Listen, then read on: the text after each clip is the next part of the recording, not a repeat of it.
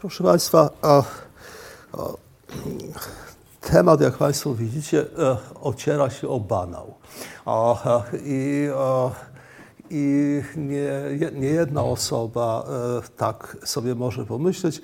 Jedna z moich uczonych koleżanek i zarazem przyjaciółek powiada, że to jest psychologia opakowania. Prawda? A, a, i, a, a więc psychologia zewnętrzności. Ja nie, nie do końca podzielam to zdanie, ale, ale coś w tym pewnie, pewnie jest.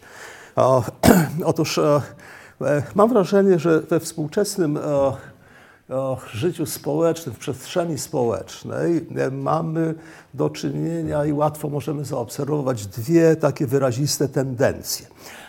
Pierwsza z nich to jest e, takie traktowanie ciała jako czegoś drugorzędnego, i co róż e, słyszymy, jak ktoś się zachwyca właśnie zwycięstwem ducha nad materią. A, a, więc Andy Gardner, który nie spał a, 12 dni i 12 nocy a, bez przerwy, a, kiedy już zakończył swój eksperyment, właśnie coś takiego powiedział, że to jest dowód zwycięstwa ducha nad materią. A, czyli jak gdyby pokazanie, że, ciało, że ciałem można rządzić, że ciałem, ciałem, e, że ciało może podlegać kontroli. A z drugiej strony e, mamy niesłychanie wyrazistą koncentrację uwagi na e, różnych aspektach cielesności, a szczególnie na, na urodzie, na higienie i na seksie. To są takie trzy rzeczy. Jeśli Państwo otworzycie pierwszą lepszą gazetę, to wszystkie te trzy zobaczycie od razu. Jeśli otworzycie pierwszy lepszy portal internetowy, to zobaczycie tego aż w nadmiarze. Prawda? A tu tylko kolejność jest ważna. Czy, czy pierwsza jest uroda, czy pierwszy jest seks, czy pierwsza jest higiena. To jest sprawa a, e, drugorzędna.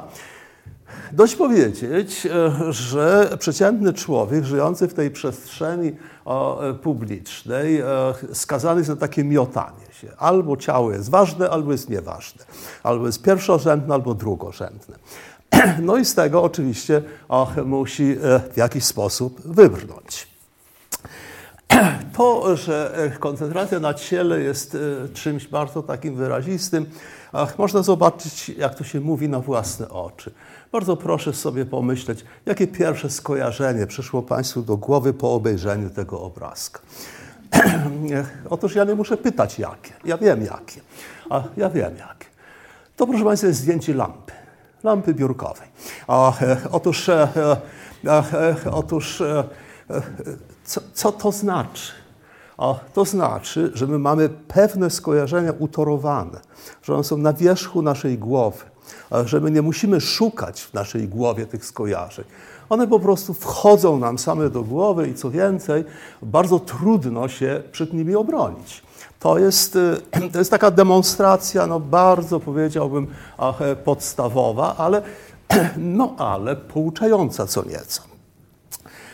Otóż e, lata temu e, Arystoteles napisał o tym, że człowiek jest zwierzęciem społecznym.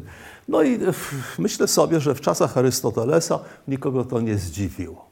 Ale dzisiaj, kiedy się mówi, że człowiek jest zwierzęciem społecznym, to to wzbudza opór. Mianowicie, e, ja o tym często mówię, e, a więc powiem po raz, po raz któryś, kiedy wydawano najbardziej popularną książkę psychologiczną w Polsce, która w oryginale nazywa się e, Social Animal, a więc zwierzę społeczne. To nikt jej nie chciał wydać pod tym tytułem, ponieważ uznawano, że zatytułowanie książki o człowieku, a, a, użycie w tytule słowa zwierzę jest po prostu takim mm, błędem marketingowym, że ludzie nie będą chcieli tego kupować. Wiecie Państwo, co to za książka? Człowiek istota społeczna Aronsona. Prawda?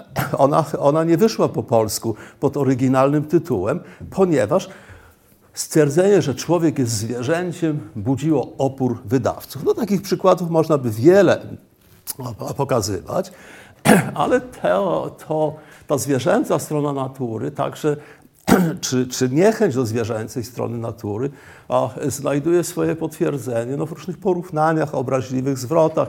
Jeśli chcemy kogoś obrazić, to przecież wystarczy powiedzieć ty świnio, ty baranie, ty, ty, ty, ty szczurze, prawda, ty żmijo podła. A, I można długo, długo, długo wymieniać te a, rozmaite e, zwroty. I co więcej, to działa. To, nie jest puste, to nie są puste słowa. Prawda? To jest rzeczywiście obraźliwe. Tak więc e, widać wyraźnie, że my nie chcemy, e, nie chcemy być porównywani do zwierząt, nie chcemy myśleć o tej zwierzęcej stronie swojej natury.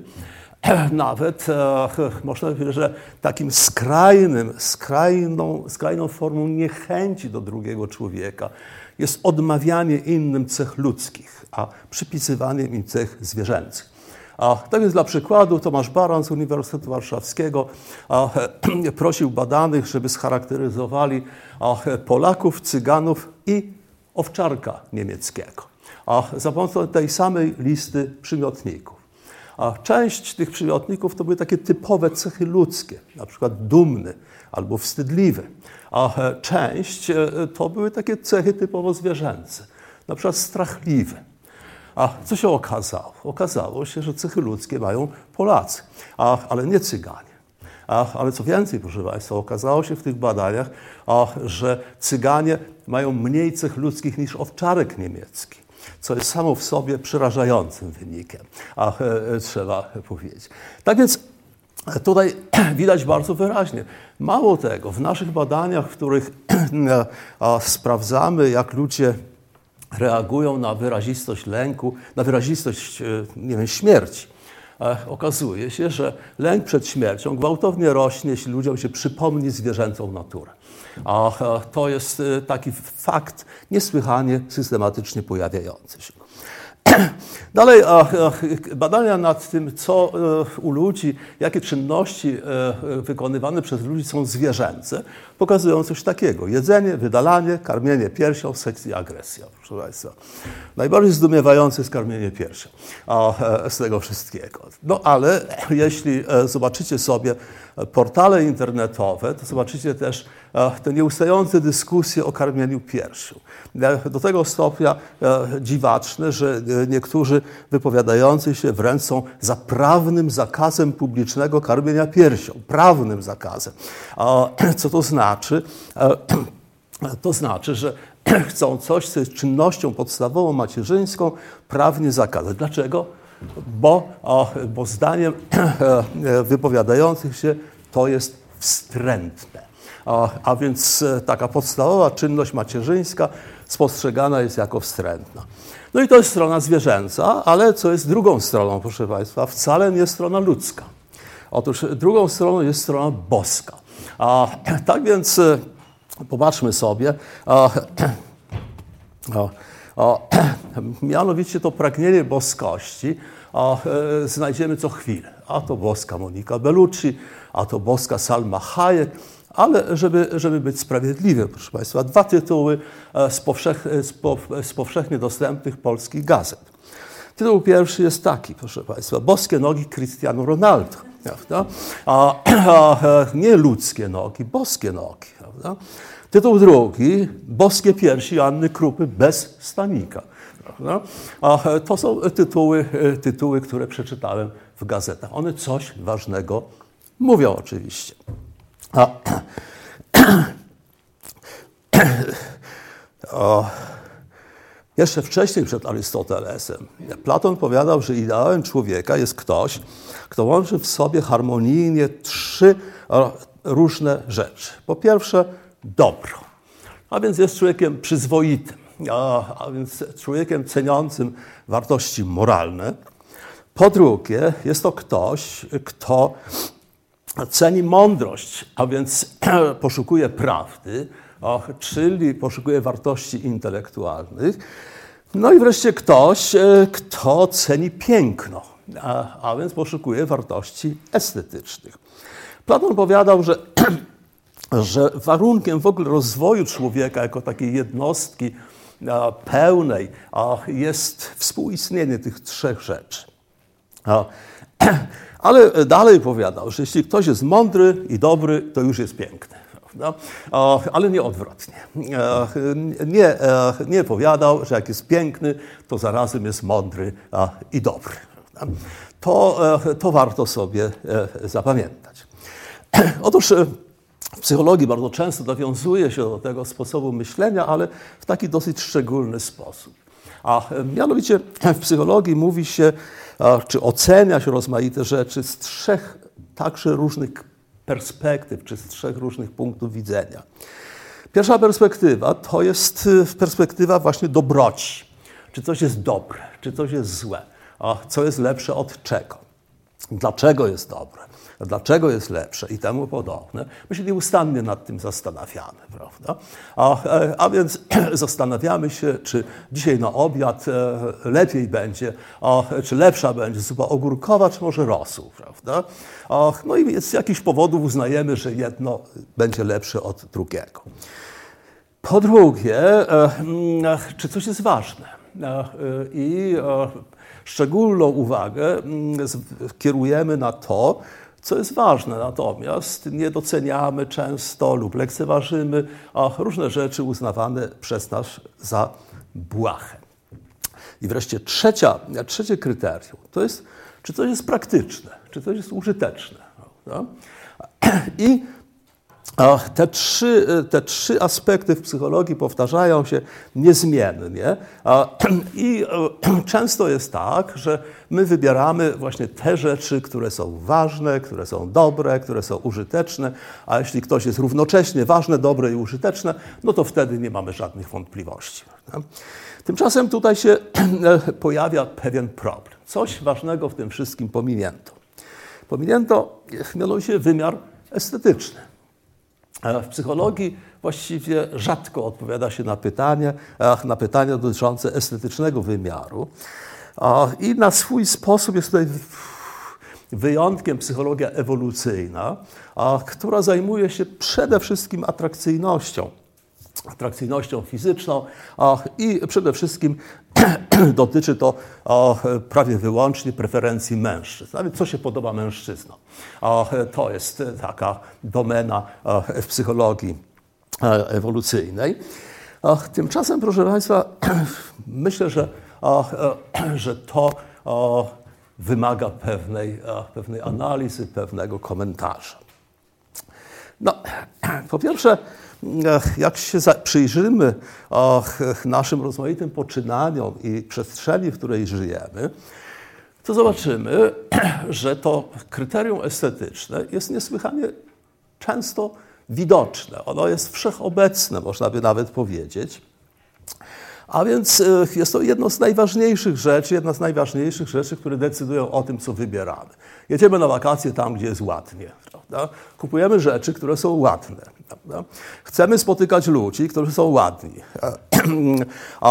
I na przykład matki marzą o tym, żeby mieć ładne dzieci. Czyli to kryterium estetyczne ciągle wyłazi i ciągle wydobywa się na wierzch. A więc czy coś jest, czy coś jest ładne, to jest kluczowa sprawa, chociaż no, musimy pamiętać, że kryteria, że tak powiem, kryteria e, czy miary piękna są indywidualne. Tak, komuś się podobają brylanty, a komuś się podobają plastikowe margaretki we włosach, prawda? To, to jest e, sprawa indywidualna i nikt nie ma prawa powiedzieć, że brylanty są ładniejsze od margaretki, albo odwrotnie, prawda? Bo to jest wybór, wybór jednostki. Czyli można powiedzieć tak, że wybieramy to, co jest ładne, ale co jest najważniejsze, proszę Państwa? Pokazuje się, że my bardzo często wybieramy to, co jest ładne, nawet jeśli nie jest dobre i nawet jeśli nie jest pożyteczne i nawet jeśli nie jest ważne. Czyli krótko mówiąc, wolimy ładne niż wszystko inne. I to oczywiście skłania do takiej e, dość, dość głębokiej refleksji.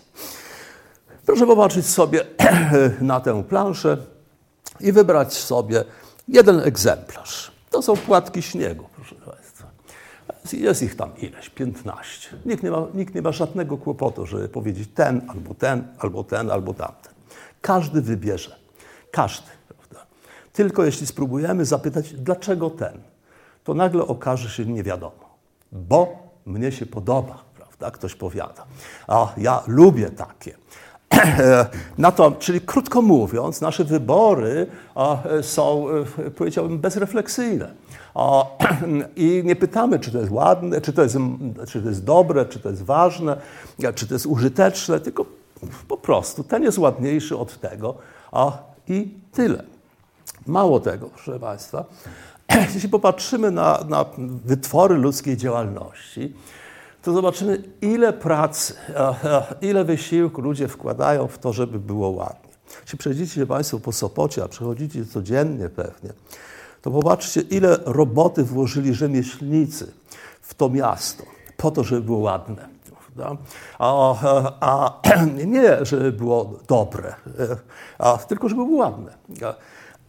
Jeśli popatrzymy sobie na ten hinduski autobus, to przecież, czy nam się to podoba, czy nie, to jest osobna kwestia, ale ile pracy ludzie w to włożyli, żeby ten autobus wyglądał właśnie tak, a nie, a nie inaczej. Ale możemy popatrzeć sobie na bolid z Formuły 1, prawda? To nie jest tak, że projektanci tego samochodu lekceważyli aspekt estetyczny. On jest też ładny, po prostu. To samo dotyczy innych kwestii. Jeśli popatrzymy na ogrody, które tworzą ludzie, a takie czy takie, to również zobaczymy, jak, jak wiele pracy, jak wiele przemyślenia kosztowało to wszystko, no i jak piękne to daje efekty. To, to także dotyczy oczywiście ludzi. Tak, więc jeśli popatrzymy na jedno czy na drugie zdjęcie, no ten aspekt estetyczny jest tutaj bardzo wyraźnie wyeksponowany. A, czyli krótko mówiąc, takie przykłady można by mnożyć, można by pokazywać.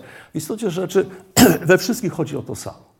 O, o przedkładanie aspektu estetycznego nad, nad inne e, z tych aspektów. No i popatrzmy sobie, sięgnijmy troszkę wstecz. A, otóż jeśli weźmiemy pod uwagę znaleziska archeologiczne, to w tych znaleziskach, jakiekol, jak, jakkolwiek byłyby one dawne, a, a to sięga setki tysięcy lat wstecz, znajdziemy dwie rzeczy zawsze. Pierwsza to jest broń. Różne. Tak? Aha. Ale to wtedy nie widać tego. No. Pierwsza to jest broń, a, a druga, proszę Państwa, to są różnego rodzaju ozdoby.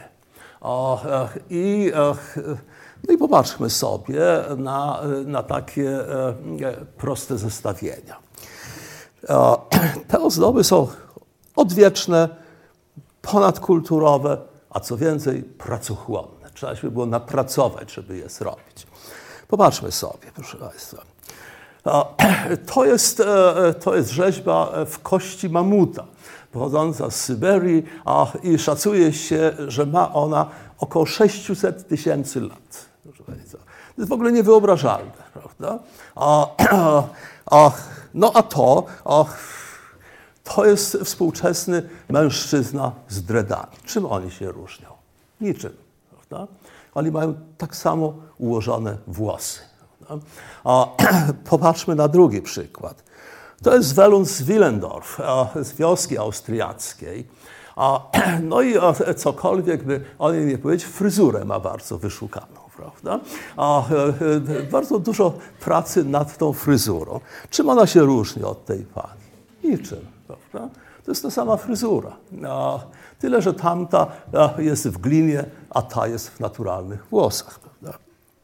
I tak można iść dalej. Prawda? Masajska dziewczyna z, z, z Kenii a, i, i, jej ozdoby, a, i amerykańska modelka i jej ozdoby. Prawda? Czym one się różnią? Niczym. A, to jest ten sam, ten sam sposób patrzenia na świat. Jeszcze dalej, proszę Państwa. Indiański chłopiec Janoama z nad Amazonii oraz, oraz brytyjski punk O, czym oni się różnią? O, niczym. Oni są jak bracia, proszę Państwa. A, otóż to bardzo dobrze pokazuje, a, że pewne wzorce estetyczne a, są niesłychanie trwałe, są niesłychanie wyraziste zarazem, a one się powtarzają i powtarzają i powtarzają. Skąd się te wzorce biorą?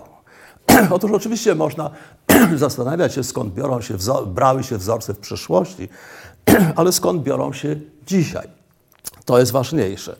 No, po pierwsze, z pewnych ewolucyjnych e, mechanizmów e, i badania w tym zakresie pokazują bardzo systematycznie istnienie pewnych regularności. Tak więc e, mamy tutaj e, na przykład e, znaną prawidłowość, e, która wynosi 0,7, a mianowicie stosunek talii do bioder. Tak? A e, kiedy analizowano wymiary wszystkich Miss Ameryka przez, przez 100 lat, to one się bardzo różniły od siebie. Wzrostem, e, taką bujnością kształtów, e, ale przez 100 lat wszystkie Miss Ameryka miały stosunek talii do bioder 0,70. I to jest coś ważnego. Drugie to jest stosunek długości nóg do wzrostu. Piotr Sorokowski, młody, znakomity badacz wrocławski, zjeździł pół świata i w różnych kulturach prymitywnych także badał preferencje estetyczne e, ludzi. Okazało się, że niezależnie od kultury ładniejsi wydają się ci, którzy mają dłuższe nogi w stosunku do reszty ciała, niż ci, którzy mają nogi krótsze. To jest e, także bezwzględna długość nóg. Zaraz zobaczymy to, proszę Państwa. E, to jest symetria twarzy. To jest także, o, to są także szerokie źrenice. O, to jest też tak zwany schemat dziecięcości. I to są, to są ewolucyjne, niektóre z nich za chwilę Państwu pokażę. są także takie psychologiczne. Na przykład o, efekt polegający na tym, że jeśli o, nałożymy wiele zdjęć na siebie, a to im więcej nałożymy tych zdjęć, tym ładniejsza będzie się wydawać nam osoba. A, czyli portret składany jest zawsze ładniejszy od portretu a, wyjściowego. I ten mechanizm budowania, że tak powiem, tego wzorca jest tutaj dosyć dobrze znany. Są także oczywiście kulturowe, a więc różnego rodzaju media i, i, i, mody, a więc różnego rodzaju mechanizmy w kulturze istniejące, które odwołują się do imitacji, do, do powielania pewnych rzeczy, są są tutaj wyraźnie obecne, chociaż no to wiemy dobrze, są one zmienne w czasie historycznym. No i teraz popatrzmy na niektóre, niektóre standardy atrakcyjności. To jest siedem sylwetek mężczyzn. Proszę sobie wybrać jedną z nich. Prawda? Który z tych mężczyzn wydaje się Wam najbardziej, ach, najbardziej atrakcyjny? Na pewno nie siódmy. Prawda? A na pewno nie piąty. Prawda? A jeśli problem, e, e, jeśli trzeba rozstrzygać, to się zazwyczaj rozstrzyga między pierwszym i drugim. No i, no i już. Nic tutaj dodać nie trzeba. Popatrzmy sobie e, teraz na sylwetki kobiet.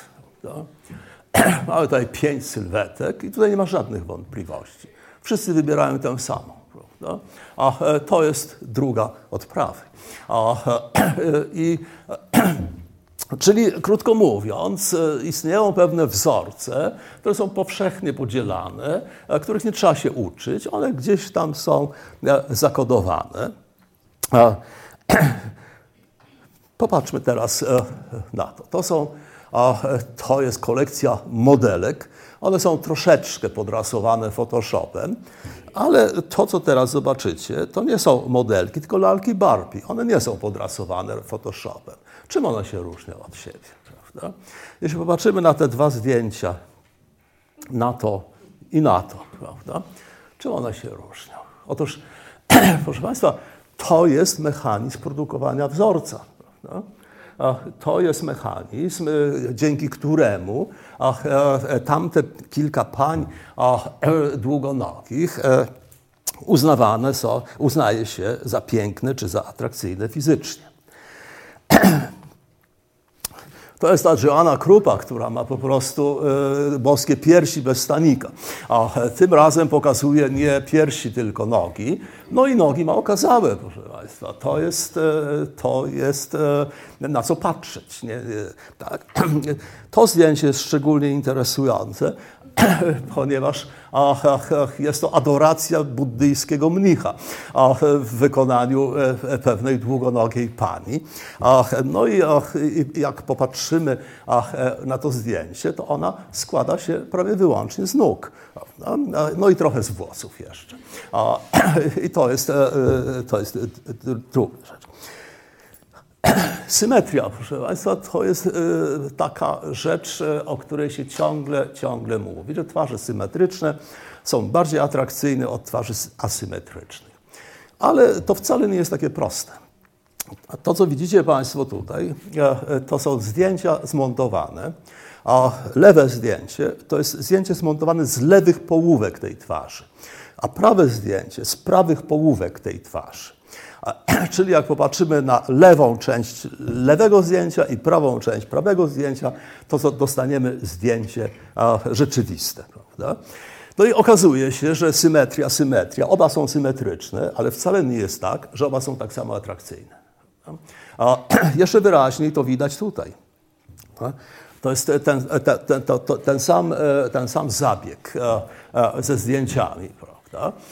I po pierwsze widać, jak bardzo asymetryczne są twarze, z czego na ogół nie zdajemy sobie sprawy. A po drugie y, widać, że sama symetria to jeszcze nie jest wystarczający warunek atrakcyjności, że to jest coś jeszcze dodatkowego. Dalej, schemat dziecięcości. Konrad Lorenz bardzo dawno temu, proszę Państwa, pokazał, że, e, że takie zamiłowanie ludzi do, do, do, do zwierzątek małych, kociąt, piesków, piskląt i innych nie jest przypadkowe, że bierze się to właśnie z takim e, z takim rysem dziecięcości, jak on to nazwał, i pokazał, że jeśli obiekt ma e, takie cechy dziecięcości, to wtedy e, po pierwsze przypisuje mu się znacznie więcej pozytywnych e, przeżyć, pozytywnych emocji niż, niż komuś, kto takiego rysu dziecięcości nie ma. Czyli można powiedzieć, że być może jest to źródło mitu szczęśliwego dzieciństwa. A dorośli chcą, y, chcą myśleć, że dzieci są szczęśliwe. Dzieci nie są szczęśliwe, a, a w każdym razie nie bardziej szczęśliwe niż inni. Natomiast ten rys dziecięcości skłania nas do myślenia, że one powinny być szczęśliwe. No? Ale druga rzecz w rysie dziecięcości to jest wzbudzanie pozytywnych emocji. A mianowicie obiekty, które mają takie rysy dziecięcości, wzbudzają pozytywne emocje. Bardzo zręcznie wykorzystują to autorzy komiksów i różnego rodzaju filmów kreskowych. E, to jest, e, to jest komiks, a także film e, dotyczący strażników, o strażnikach zła. No i jak popatrzymy na tę, na tę bohaterkę, no to zobaczymy ten rys dziecięcości nadzwyczajnie wyraźnie. Duże oczy, duże usta, a duża część e, głowy e, czołowa, a e, natomiast bardzo mała część dolna twarzy i a, Walt Disney przed laty zwrócił się do psychologów amerykańskich z zapytaniem, czy oni mogliby scharakteryzować osobę, która podoba się wszystkim starym, młodym kobietom, dzieciom, e, dorosłym mężczyznom, e, niezależnie od kultury, wieku, doświadczenia. A ponieważ takiej odpowiedzi nie było, psychologowie przeprowadzili takie badania i, e, i dostarczyli odpowiedzi. Na podstawie tej odpowiedzi Walt Disney i jego wytwórnia wyprodukowała film o pewnej, pewnej postaci, która się podoba wszystkim właśnie. To jest nie kto inny, tylko Jelonek Bambi, proszę Państwa. A jelonek Bambi jest, e, jest e, obiektem, który ma rys dziecięcości doprowadzony do perfekcji.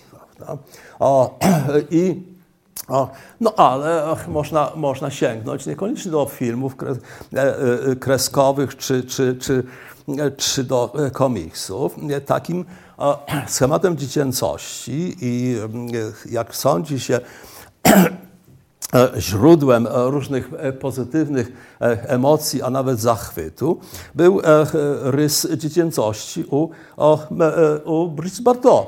O, no to jest dziś nie, nie dość, powiedziałbym, mizernie naśladowanej przez Paris Hilton, prawda? a mało, mało udany sposób. Prawda? Ten rys dziecięcości tutaj jest wyrazisty. Czyli można powiedzieć, że że pewien biologiczny mechanizm wdrukowania sprawia, że, że coś nam się e, podoba bardziej lub coś nam się podoba e, mniej. No, ale to, to nie koniec, proszę Państwa.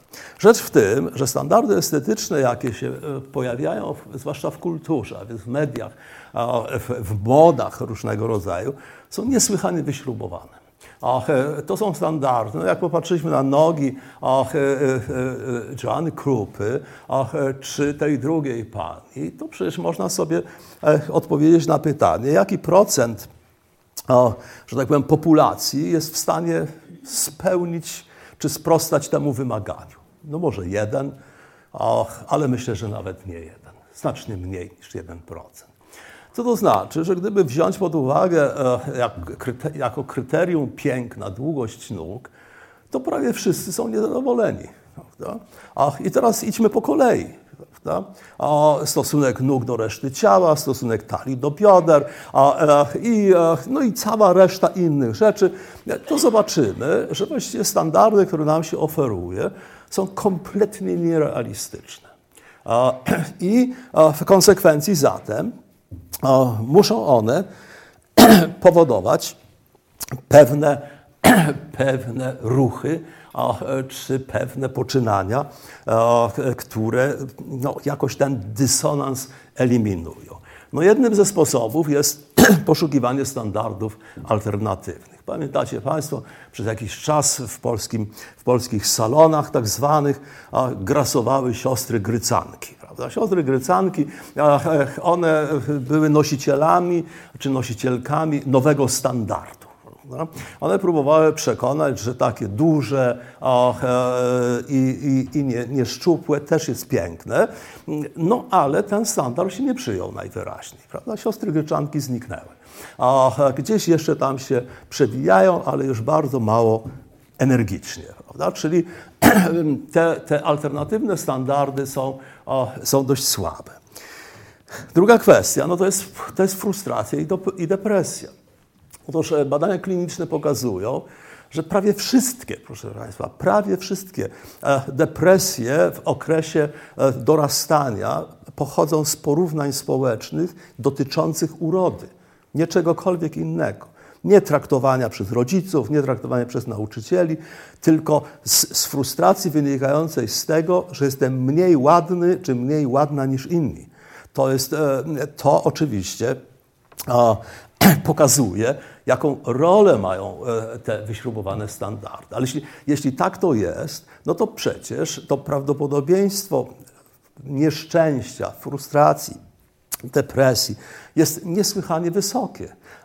I, no i koniec końców musi to prowadzić do takiego ogólnego niezadowolenia z ciała, no i, no i pewnych konsekwencji z tego wynikających. Popatrzmy sobie na, na pewne dane, które pokazują inne źródła niezadowolenia. Na przykład porównania z sobą samym. A więc taka autokonfrontacja, jak to się mówi, e, pokazuje, no, że już nie wyglądamy tak ładnie jak kiedyś na przykład. Prawda? Albo tutaj się zmarszczka pojawiła, prawda? albo tutaj nam kilogramów przybyło, a tutaj sprawności nam ubyło. Słowem te porównania byłem, jestem, a czy byłam, jestem, są częstokroć źródłem bardzo dużych takich e, e, napięć i dużych, dużych, silnych emocji. Po drugie, oczywiście, porównania z innymi te porównania społeczne, no, które, które wprawdzie dają nam pewne możliwości, bo zawsze można znaleźć kogoś, kto jest mniej piękny niż my. Prawda? I zawsze można się z nim porównać. Ale to, to się udaje, jak pokazują badania nad porównaniami społecznymi, w ograniczonym stopniu. W rezultacie statystyka doświadczenia pokazuje, że wprawdzie są tacy, którzy są mniej ładni niż ja, ale takich, którzy są ładniejsi, jest znacznie więcej. Prawda? Ach, no, i, no i to także jest e, e, źródło pewnego problemu. Dalej są to, są to różnego rodzaju oddziaływania krytyczne, szczególnie, jak pokazują badania, ze strony rówieśników. I tu w okresie zwłaszcza późnego dzieciństwa, wczesnej młodości, krytyka ze strony y, rówieśników, bezwzględna taka, prześmiewna krytyka, jest źródłem niesłychanych, e, niesłychanie silnych emocji, bardzo dotkliwych frustracji. Ale to dotyczy także rodziców, którzy bezmyślnie krytykują swoje dzieci. I to dotyczy także partnerów e, w związkach, Dalej e, e, są to różne e, tak zwane dobre rady. Państwa. Od pewnego czasu przyłapuję się na tym, że, że zaczynam podejrzliwie przyglądać się funkcjonowaniu własnego organizmu. Mianowicie otwieram jakiś portal w internecie i tam czytam, jesz sałatę, to uważaj. Bo, bo może to być źródłem różnego rodzaju kłopotów zdrowotnych. Albo e, masz, masz wypieki na twarzy, to może być niebezpieczny objaw niebezpiecznej choroby. Słowem, e, tego rodzaju sygnały i tego rodzaju rady, których się, z którymi się spotykamy, one nie pozostają obojętne. To, to nawet jeśli bardzo racjonalnie do tego podchodzimy, to gdzieś tam, gdzieś tam zostają. E, no a te, te dobre rady częstokroć e, polegają na tym, że sugeruje komuś, jak mógłby wyglądać, prawda? Ach, nie jak wygląda, tylko jak mógłby wyglądać. O, mogłabyś sobie obciąć włosy, prawda? E, albo mogłabyś troszkę się odchudzić, prawda? albo pobiegałbyś troszkę. I, I temu podobne. To są takie, takie typowe rzeczy. Bardzo interesujące badania zrobiła Dagmara Gawron we współpracy ze mną w których e, osoby badane konfrontowały się ze sobą samymi. Mianowicie takim e, ludziom z ulicy robiliśmy zdjęcia. A, a potem te zdjęcia były przerabiane komputerowo a, i, i to w taki sposób, że w każde kolejne zdjęcie wprowadzało kolejną zmianę a to na przykład kąciki ust podjeżdżały do góry, a to oczy się troszkę zmieniały, a to nos się zwężał, a to zmarszczki znikały. A zaraz zresztą Państwo to zobaczycie na jednym z przykładów. I teraz e, były dwie wersje tych badań. W pierwszej, pierwszej wersji osoby badane wiedziały. Mówiliśmy, słuchaj, a to jest Twoje zdjęcie oryginalne, a tutaj masz kilka zdjęć, w których zrobiliśmy poprawki, takie ulepszenia w Twoim wyglądzie. A, I wybierz sobie to, które Tobie się najbardziej podoba. A druga wersja tych badań była taka, że badani o, oglądali te same zdjęcia, też skorygowane, tylko mówiliśmy im, słuchaj, zrobiliśmy Tobie kilka zdjęć, a wybierz sobie to, które podoba się Tobie najbardziej. Czyli w jednej badani wiedzieli, że, byli pod, że, że manipulowano ich zdjęciami, w innej nie. No i teraz proszę popatrzeć. To jest y, jedna z osób, naszych osób badanych. Ja będę dość szybko przewijał te zdjęcia, żebyście Państwo mogli zobaczyć zmiany, które w, tych, w nich zachodzą.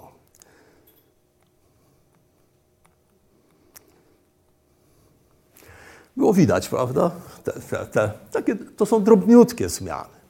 To są drobniutkie zmiany. Otóż, co się pokazało, proszę Państwa? Ach, pokazało się coś bardzo interesującego, że jeśli ludzie wiedzieli, że e, te zdjęcia zostały polepszone, a więc jeśli zobaczyli, że mogliby wyglądać ładniej niż wyglądają, prawda? to jak widzicie e, Państwo, zdecydowanie pogorszyła się samoocena a, i zdecydowanie obniżył się nastrój. ci, tym ludziom badanym, to byli mężczyźni i kobiety, nie tylko kobiety, było przykro po prostu. O, przykro, że nie są tak ładni, jak mogliby być. No. A jak to było w sytuacji, w której nie wiedzieli o tym, że, że zdjęcia zostały a, zmodyfikowane?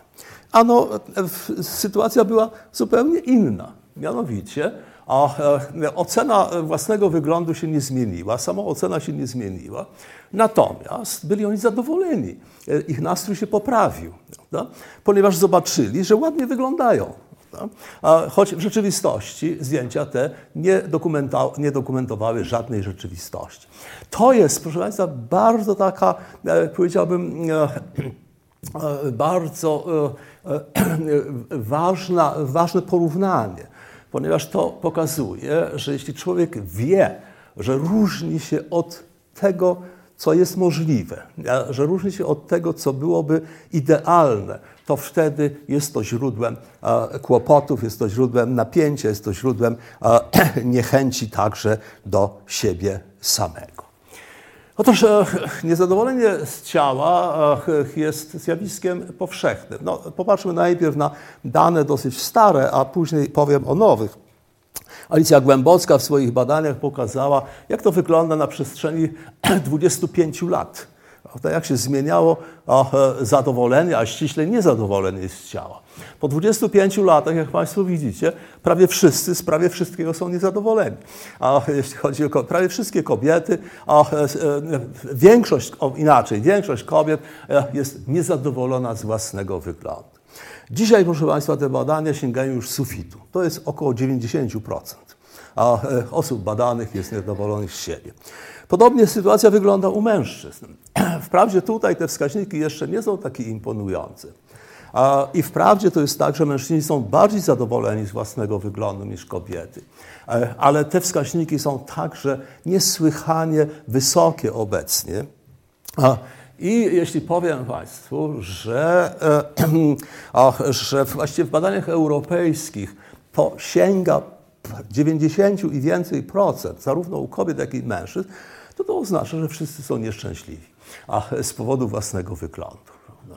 A, I a, oczywiście mogą sobie e, stosować różne strategie e, rozliczania się z tym nieszczęściem i, i radzenia sobie z tym nieszczęściem, ale tak czy inaczej to nieszczęście ich co jakiś czas dogoni. I, a co jakiś czas muszą się z nim zmierzyć. No w związku z czym e, coś trzeba robić. Prawda? Otóż Zobaczcie Państwo, to są dane pochodzące z, z, Narodowego y, y, Instytutu Higieny Psychicznej, Zdrowia i Higieny Psychicznej amerykańskiego, dotyczące zabiegów estetycznych wykonanych w jednym, jedynym tylko roku, 2006. Zabiegów chirurgicznych a, i zabiegów niechirurgicznych. Zabiegów chirurgicznych w roku 2006 wykonano prawie 1,5 miliona w Stanach Zjednoczonych, a zabiegów niechirurgicznych prawie 8 milionów.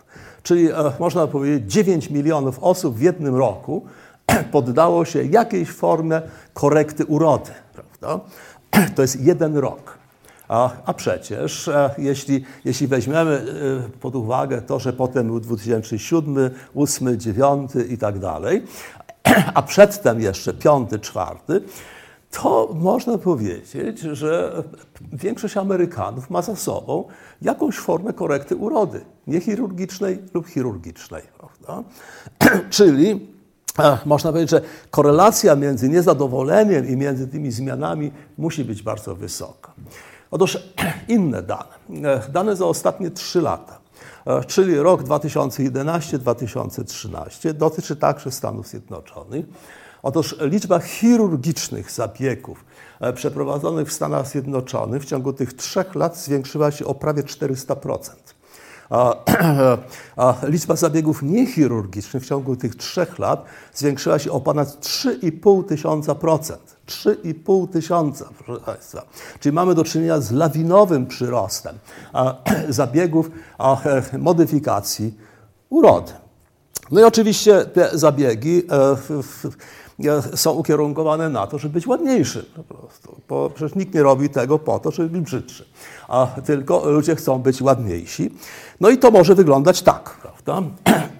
A Czyli te panie bez wątpienia chciały być piękne. Czy nam się to podoba, czy nie? Czy my podzielamy ten, ten standard estetyczny, czy nie?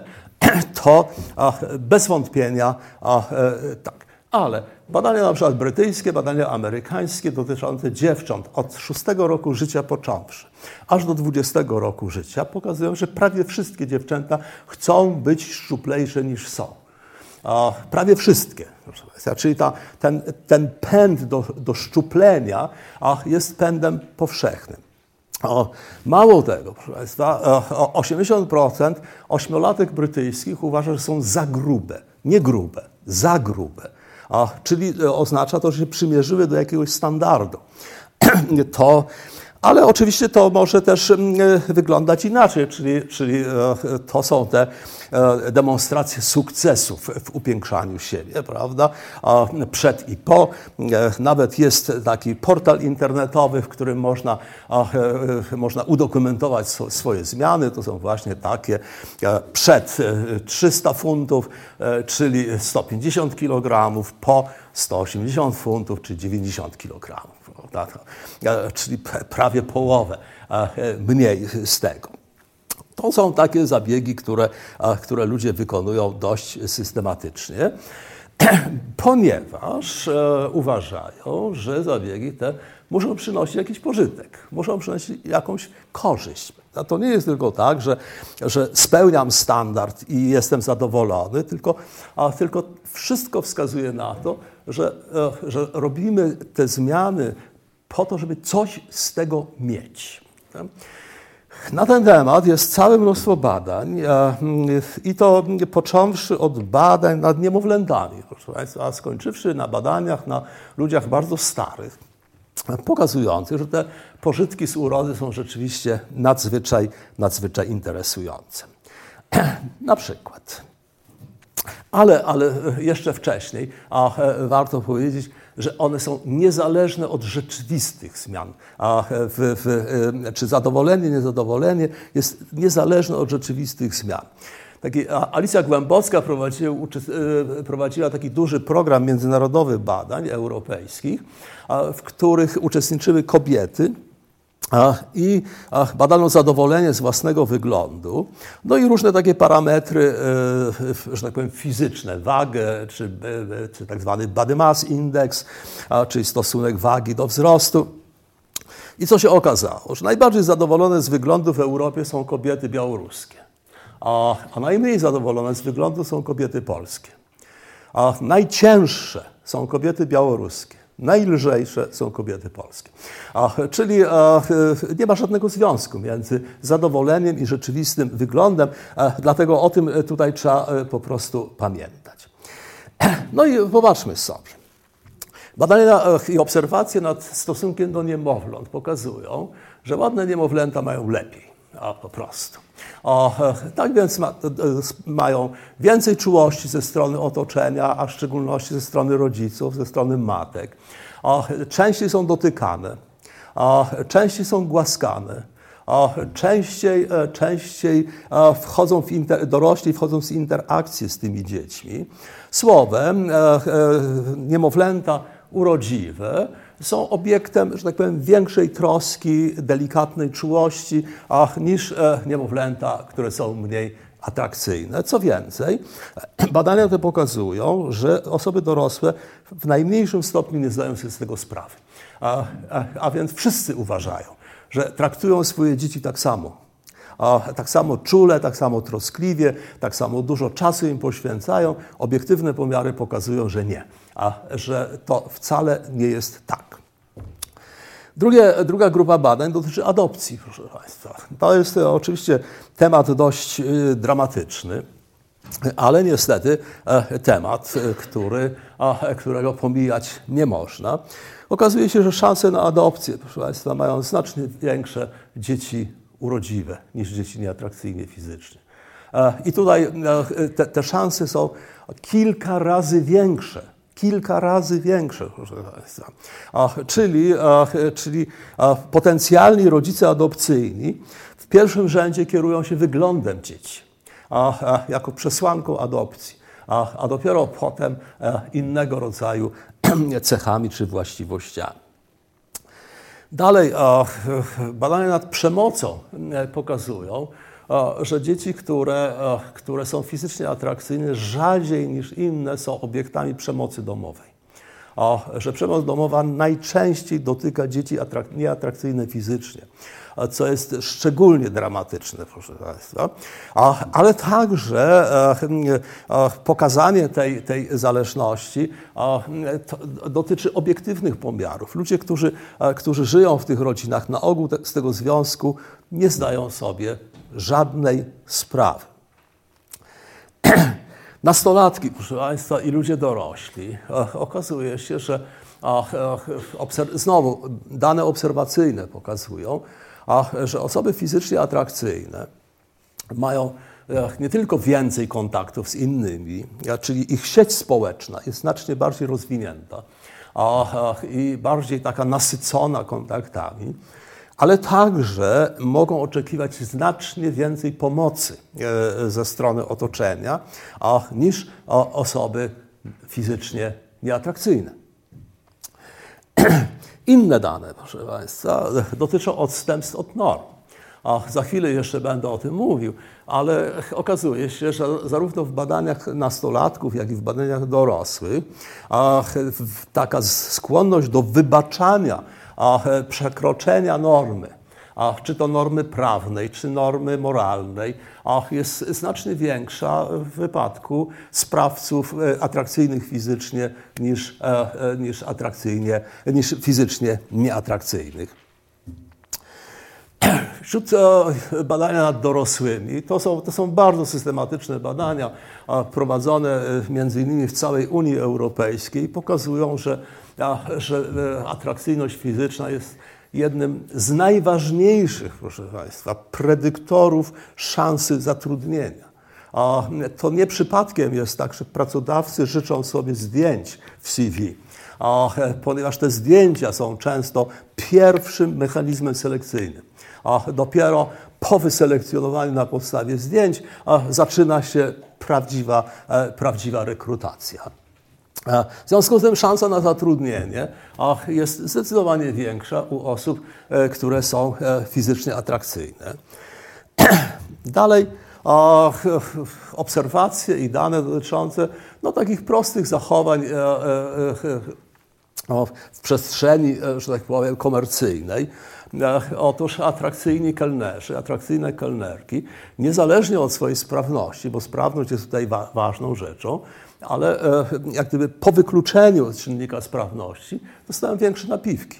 A, e, a, ponieważ w wielu miejscach na świecie kelnerzy nie dostają żadnego wynagrodzenia i dostają wyłącznie napiwki, że utrzymują się wyłącznie z napiwków, no to, e, to można łatwo przewidywać, że atrakcyjni fizycznie mają dochody większe niż osoby fizycznie nieatrakcyjne.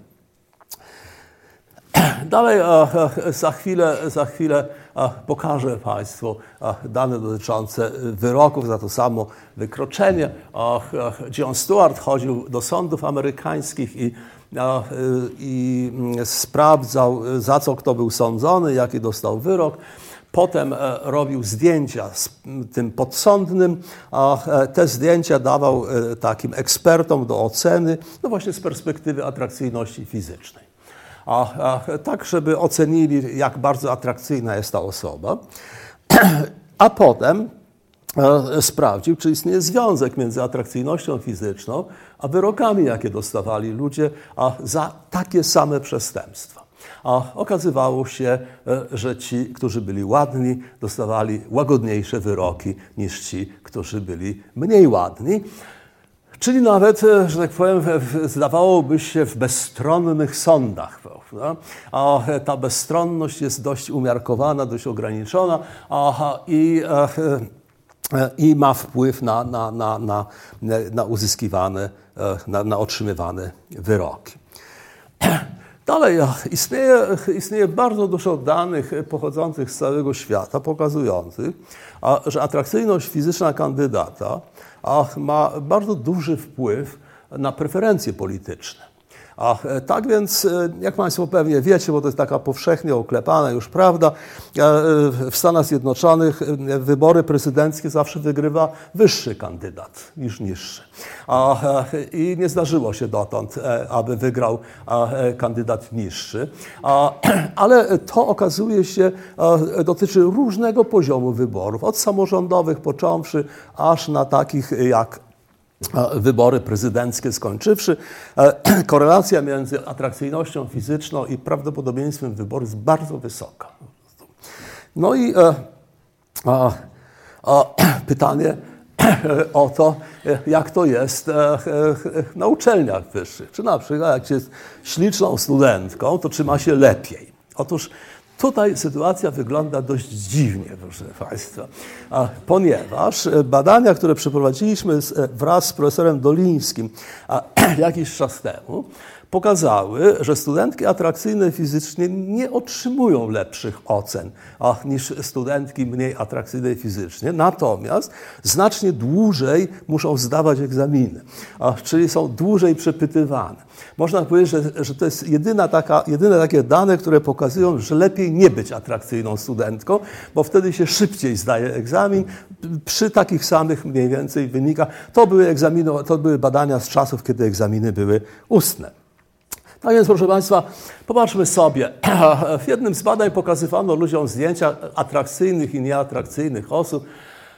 I pytano ich e, o to, jakie oni mają kompetencje małżeńskie, rodzicielskie kompetencje, czy są szczęśliwi, jakie mają, szczę jakie mają e, e, szanse na, na rynku matrymonialnym.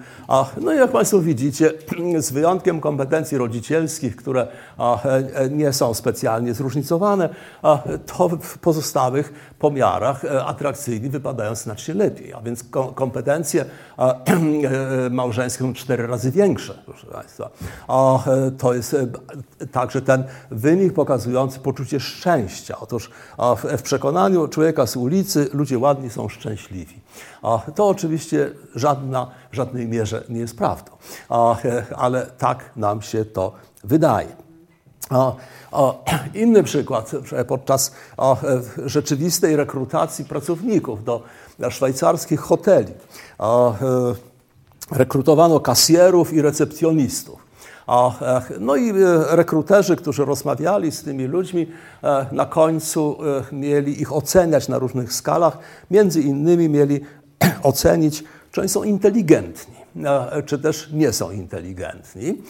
A niezależnie od tego, eksperci od spraw estetycznych oceniali urodę tych kandydatów i podzielili, podzielili na takich bardziej i mniej atrakcyjnych. No i teraz proszę zobaczyć, jak to wyglądało, proszę Państwa. Nie atrakcyjni na żółto, atrakcyjni na czerwono, a im wyższy słupek, tym bardziej inteligentni. A, czyli krótko mówiąc, e, podczas rzeczywistej rekrutacji osoby atrakcyjne fizycznie były ocenione jako bardziej inteligentne e, niż e, osoby fizycznie nieatrakcyjne. I takich, e, takich danych jest sporo. Mówiłem o, o, o tym traktowaniu w sądach amerykańskich, to sobie e, zostawimy. Ale teraz, proszę Państwa, popatrzmy e, na to, co się, co się dzieje, jak ludzie podejmują pracę nad zmianą własnego wyglądu. Jest cała grupa badań dotyczących takich banalnych rzeczy jak wizyta u fryzjera a, i wizyta u kosmetyczki. Co robi wizyta u fryzjera? Co robi wizyta u kosmetyczki? Co robi wizyta w solarium? Prawda? W jednym z takich badań osoby, które przeszły właśnie takie zabiegi, e, porównywano z osobami, które nie przeszły i pytano, jak bardzo są one zadowolone z życia. A no tak, Osoby, które przeszły zabiegi, które po prostu były u fryzjera i fryzjer ją poczochrał po głowie, okazały się bardziej zadowolone z życia niż osoby, które takiego zabiegu nie przeszły. Dalej pytano takie osoby, w jakim są nastroju aktualnie. Ano w takim, proszę Państwa. To bardzo wyraźna, bardzo wyraźna różnica. O, co więcej, My w tej chwili zakończyliśmy badania, które ach, jeszcze nie są do końca opracowane, ale które już pokazują bardzo wyraźną tendencję. Badania dotyczyły mianowicie efektów bolesnych zabiegów kosmetycznych, na przykład bolesnej depilacji. A czy to jest też tak, e, że jak osoby przejdą bolesną depilację, e, to czy też im się poprawi nastrój, czy też, e, czy też nie? Otóż tak, poprawi im się, proszę Państwa. Chociaż musiały, musiały same skazać się na cierpienie. W naszych badaniach sprawdzaliśmy także nie taki doraźny nastrój, ale sprawdzaliśmy, czy, czy zmienia się pod wpływem tego rodzaju zabiegów skoncentrowanych na swoim własnym wyglądzie, zmienia się poziom lęku przed śmiercią. Ja nie będę tutaj wchodził w takie teoretyczne przesłanki tego rozumowania. Dość powiedzieć, że przewidywaliśmy, że powinien się ten lęk zmniejszyć w wyniku takich zabiegów. No i e, najpierw prowadziliśmy badania właśnie w, w, u fryzjera i w, i w solarium, dosyć duże badania. No i to wygląda tak, proszę Państwa. To na żółto to jest przed zabiegiem, to na czerwono jest po zabiegu. Im wyższy słupek, tym większy lęk przed śmiercią. A, czyli co widzimy? Po prostu, że po prostu wizyta u fryzjera czy wizyta w solarium a, powodowała obniżenie jednego z najbardziej podstawowych egzystencjalnych lęków, jakie ludzie przeżywają. Czyli znowu wystarczyło się trochę wygrzać w solarium, czy trochę, e, czy troszkę poddać się e, różnym takim, e, takim manipulacjom fryzjerskim, żeby żeby poczuć się mniej śmiertelnym, proszę Państwa. To jest niesłychanie interesujący wynik.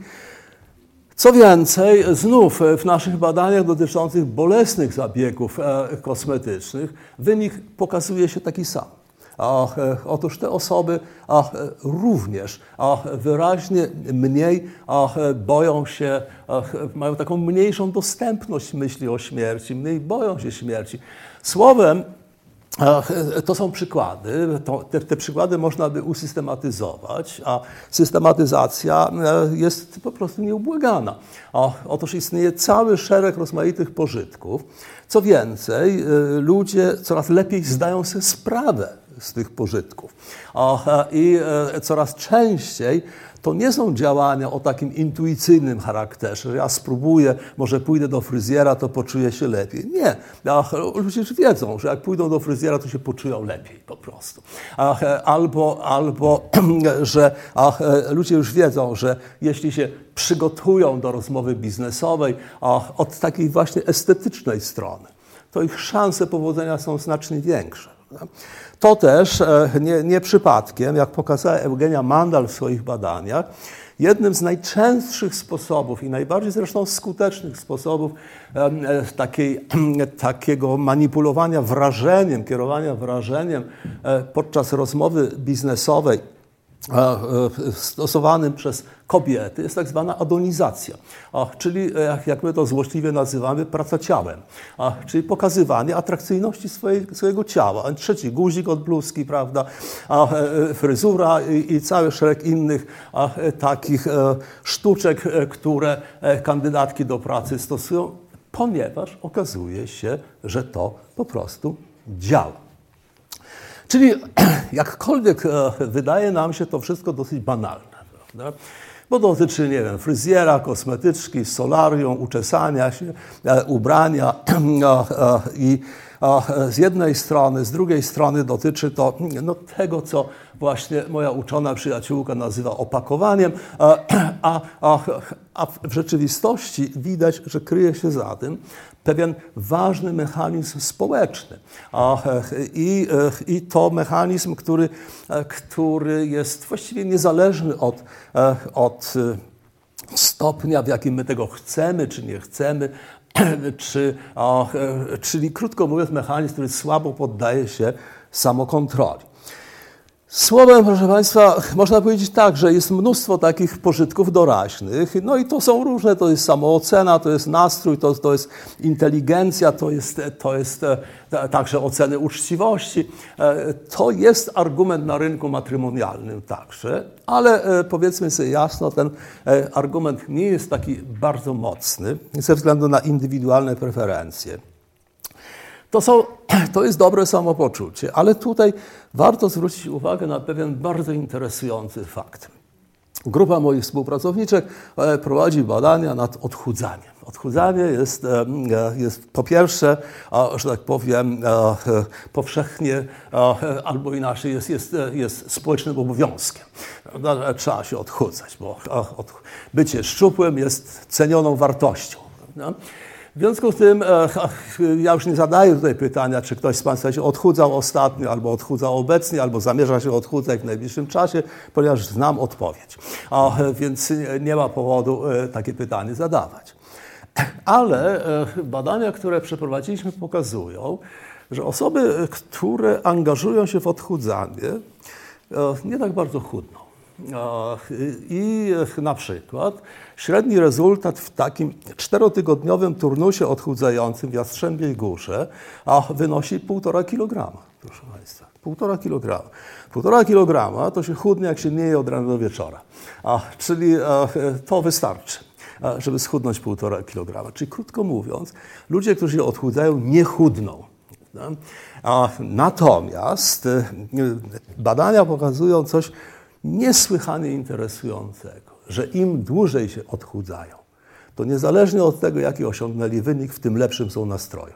A, czyli krótko mówiąc, a, sama, samo zaangażowanie w odchudzanie jest źródłem dobrego samopoczucia. A, I I ja mam wrażenie, że to jest jeden z ważnych powodów, dla których ludzie nie chudną, bo bardzo szybko osiągają to dobre samopoczucie. Natomiast gdyby, gdyby to samopoczucie się pogarszało, to prawdopodobnie sytuacja wyglądałaby inaczej. No oczywiście są także pożytki długoterminowe, no takie jak zawodowe, takie jak, jak zabezpieczenie właśnie przed lękiem przed, przed, przed śmiercią, ale także lękiem przed samotnością, co jest bardzo, bardzo często e, badanym aspektem. Słowem, proszę Państwa, jakkolwiek by to nie brzmiało okropnie, to po pierwsze warto być ładnym. Po drugie, jakkolwiek by to brzmiało okropnie, warto dbać o wygląd po prostu, o, e, ponieważ to e, ze społecznego punktu widzenia e, przynosi pożytki zwyczajne. A, I to pożytki dość rozległe. A, a, a co więcej, po trzecie, i już na koniec, to wcale nie jest trudne to, to dbanie o wygląd e, to, to nie jest jakiś wyczyn, e, który, e, który wymaga niesłychanych zasobów czy niesłychanych umiejętności. Wymaga po prostu troszkę motywacji. Dziękuję bardzo Państwu. Dziękujemy. Dziękujemy. Okej. Okay jak pokazuje wykład profesora psychologia opakowania, Aha. wydaje się być tematem lekkim, ale jednocześnie bardzo obszernym, co nawet mnie zaskoczyło, przyznam. E, co trzeba powiedzieć jeszcze więcej. E, Profesor jest e, autorem i jednocześnie kierownikiem studiów, które właśnie poświęcają się tej tematyce wizerunek ciała. Także bardzo zapraszamy wszystkie osoby, które chciałyby szerzej popracować również z profesorem nad tą tematyką. Natomiast strefa Psyche SWPS to nie tylko wykłady, to również warsztaty i blog Strefy Psyche. E, na który oczywiście zapraszamy przez stronę internetową, ale to także właśnie warsztat, który jest kontynuacją e, w tym miesiącu akurat właśnie psychologii opakowań. 27 e, już we wtorek zapraszamy właśnie na warsztat, który będzie nieco o tym, jak nie zabłądzić właśnie do, na tej drodze do piękna, tak? Czyli będzie kontynuacją wykładów profesora. Natomiast jeśli ktoś z Państwa w tej chwili ma pytania, to bardzo proszę. Temat wyczerpany, zdaje się. Czy ktoś jeszcze ktoś chciałby zadać jednak pytanie? Dziękuję. Tak. Ja mam pytanie dotyczące. Nie wiem, czy to działa. Tak, tak, to. to, to, to... Okay, nie, proszę mówić do mikrofonu, bo to chodzi o to, żeby to się nagrało. Okay, tak. Dobrze. A ja będę słuchał Pani. Dobrze, to ja mam pytanie dotyczące tych e, badań e, o, dotyczących lęku e, przed śmiercią. Czy tam były badane kobiety, mężczyźni, czy kobiety i mężczyźni? Aha. Więc w badaniach nad, nad, nad bolesną depilacją wyłącznie kobiety. Natomiast w badaniach, badaniach nad fryzjer solarium byli też mężczyźni. I ten, ten mechanizm jest bardzo podobny. Nie było różnic między nie, grupami? Nie, nie. Przy czym proszę pamiętać o, o jednym, że, że, że, w ogóle płeć jest czynnikiem różnicującym lęk przed śmiercią w taki dość tajemniczy sposób. Mężczyźni boją się bardziej niż kobiety, zawsze. A, czyli te wskaźniki lęku przed śmiercią u mężczyzn zawsze wyższe niż, niż u kobiet. Nikt tego za bardzo dobrze nie rozumie, ale, ale tak to systematycznie się powtarza. Tak, proszę bardzo.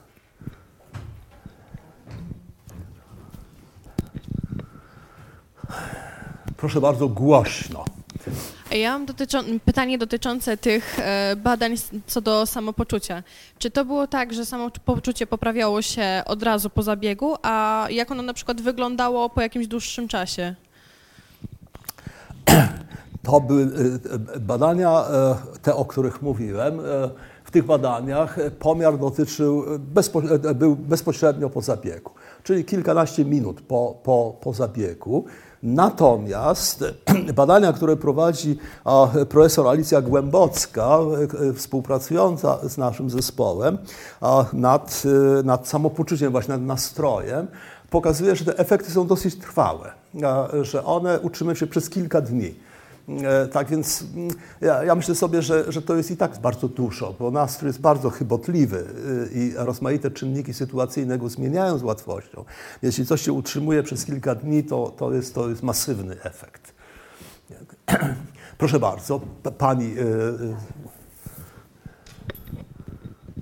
Ja mam pytanie odnośnie tych wyroków sądowych. Aha. Czy te różnice pomiędzy tymi urodziwymi przestępcami mniej, czy były bardzo duże? Czy, czy w ogóle były jakieś istotne, czy to były takie powiedzmy kilka tygodni, kilka miesięcy? Czy e, jakieś, Jeszcze raz? Czy to były na zasadzie ciut y, większe kary finansowe, czy to były na przykład wyroki y, sądowe takie, że musi iść do więzienia na kilka miesięcy dłużej powiedzmy? To były, to były e, e, sprawy sądowe e, rozstrzygane przez pojedynczych sędziów amerykańskich, a to dotyczy przestępstw niskiego rzędu, a więc wykroczeń drogowych, drobnych kradzieży, drobnych, drobnych takich incydentów chuligańskich. Więc to, to nie były jakieś poważne przestępstwa. Czyli takie, takie typowe, najczęstsze przestępstwa amerykańskie I, i wyroki to były albo właśnie grzywna, albo praca społeczna, albo, albo więzienie. Ileś tam y, dni więzienia. I we wszystkich tych e, e, pomiarach ci ładni dostawali mniejsze wyroki. Tam był jeden czynnik, także mianowicie tam czynnik rasowy zakłócał. Mianowicie a, biali dostawali niższe wyroki niż czarni. A, i, i, I dopiero jak się porównywało w obrębie grupy białych podsądnych i czarnych podsądnych, to ten efekt bardzo wyraźnie występował.